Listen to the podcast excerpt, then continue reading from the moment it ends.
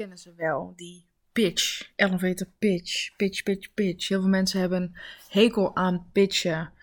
Uh, wellicht omdat ze het beeld hebben van uh, netwerkclubs als BNI, waar ze moeten gaan staan, waarin 60 seconden helemaal duidelijk moeten um, uh, vertellen wat ze doen of voor wie ze doen, of de elevator pitch die in alle studies echt in je strot geramd wordt.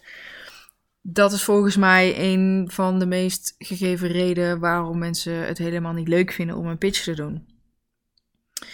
En ik had het daar met iemand over en zij vroeg: bereid je je pitch juist voor als je ergens naartoe gaat of niet?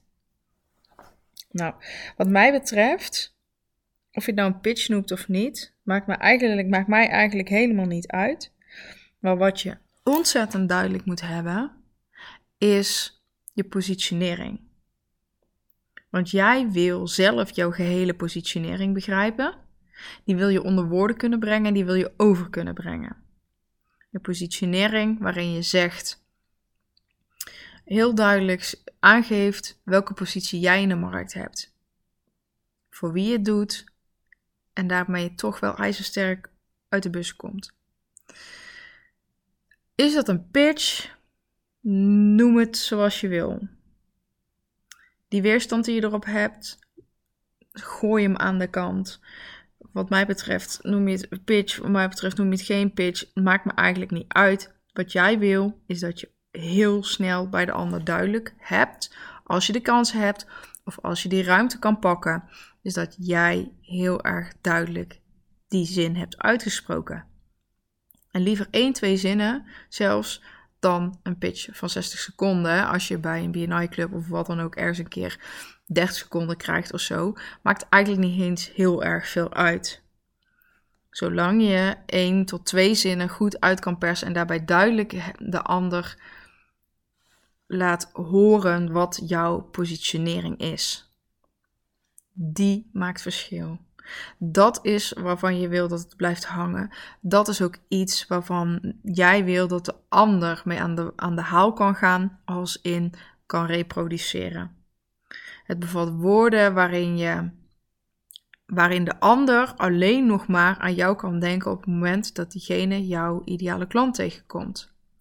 Dus bereid je hem helemaal voor. Nou, wat mij betreft, als ondernemer heb je, moet je je positionering helder hebben. En kun jij die ten alle tijden ook opdreunen.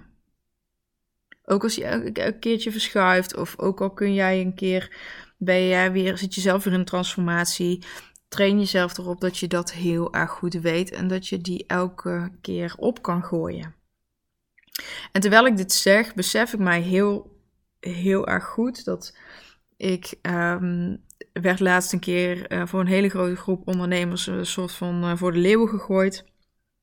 En er werd mij gevraagd: wil jij jezelf even voorstellen door een microfoon? Ik denk dat er zo'n 70 ondernemers stonden. En ik weet natuurlijk heel erg goed wat ik doe. En toch werd er daar al een intro over mij gegeven. En werd daar, um, werd daar super enthousiast over gereageerd of, of, of super enthousiast werd dat gedaan. En hij had al mijn uh, gras over mijn voeten weggemaaid. En toen moest ik nog. En dan sta je dan met je zin. Weet je, tuurlijk is dat niet zo. Um, ja, dat kwam niet zo lekker over.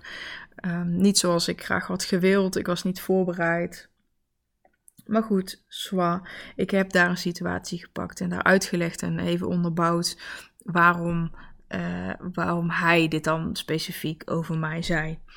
En klaar. Kijk, achteraf kun je altijd denken van ja, weet je, had ik beter kunnen doen, had ik die dag ook wel zeker, die avond, had ik dat ook zeker wel, dat gevoel. Maar dat is helemaal niet erg. Waar het om gaat is dat ik daar voel, en die situaties heb jij misschien wel op hele andere momenten gehad.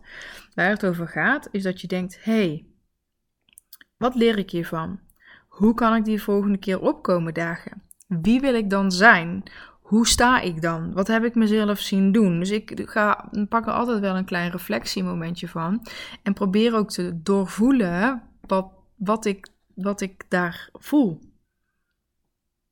Zonder mezelf af te straffen, zonder daarin streng te zijn, zonder te, me te gaan schamen of te gaan excuseren of wat dan ook. Dat is helemaal niet nodig. Dat is helemaal niet waar het over gaat.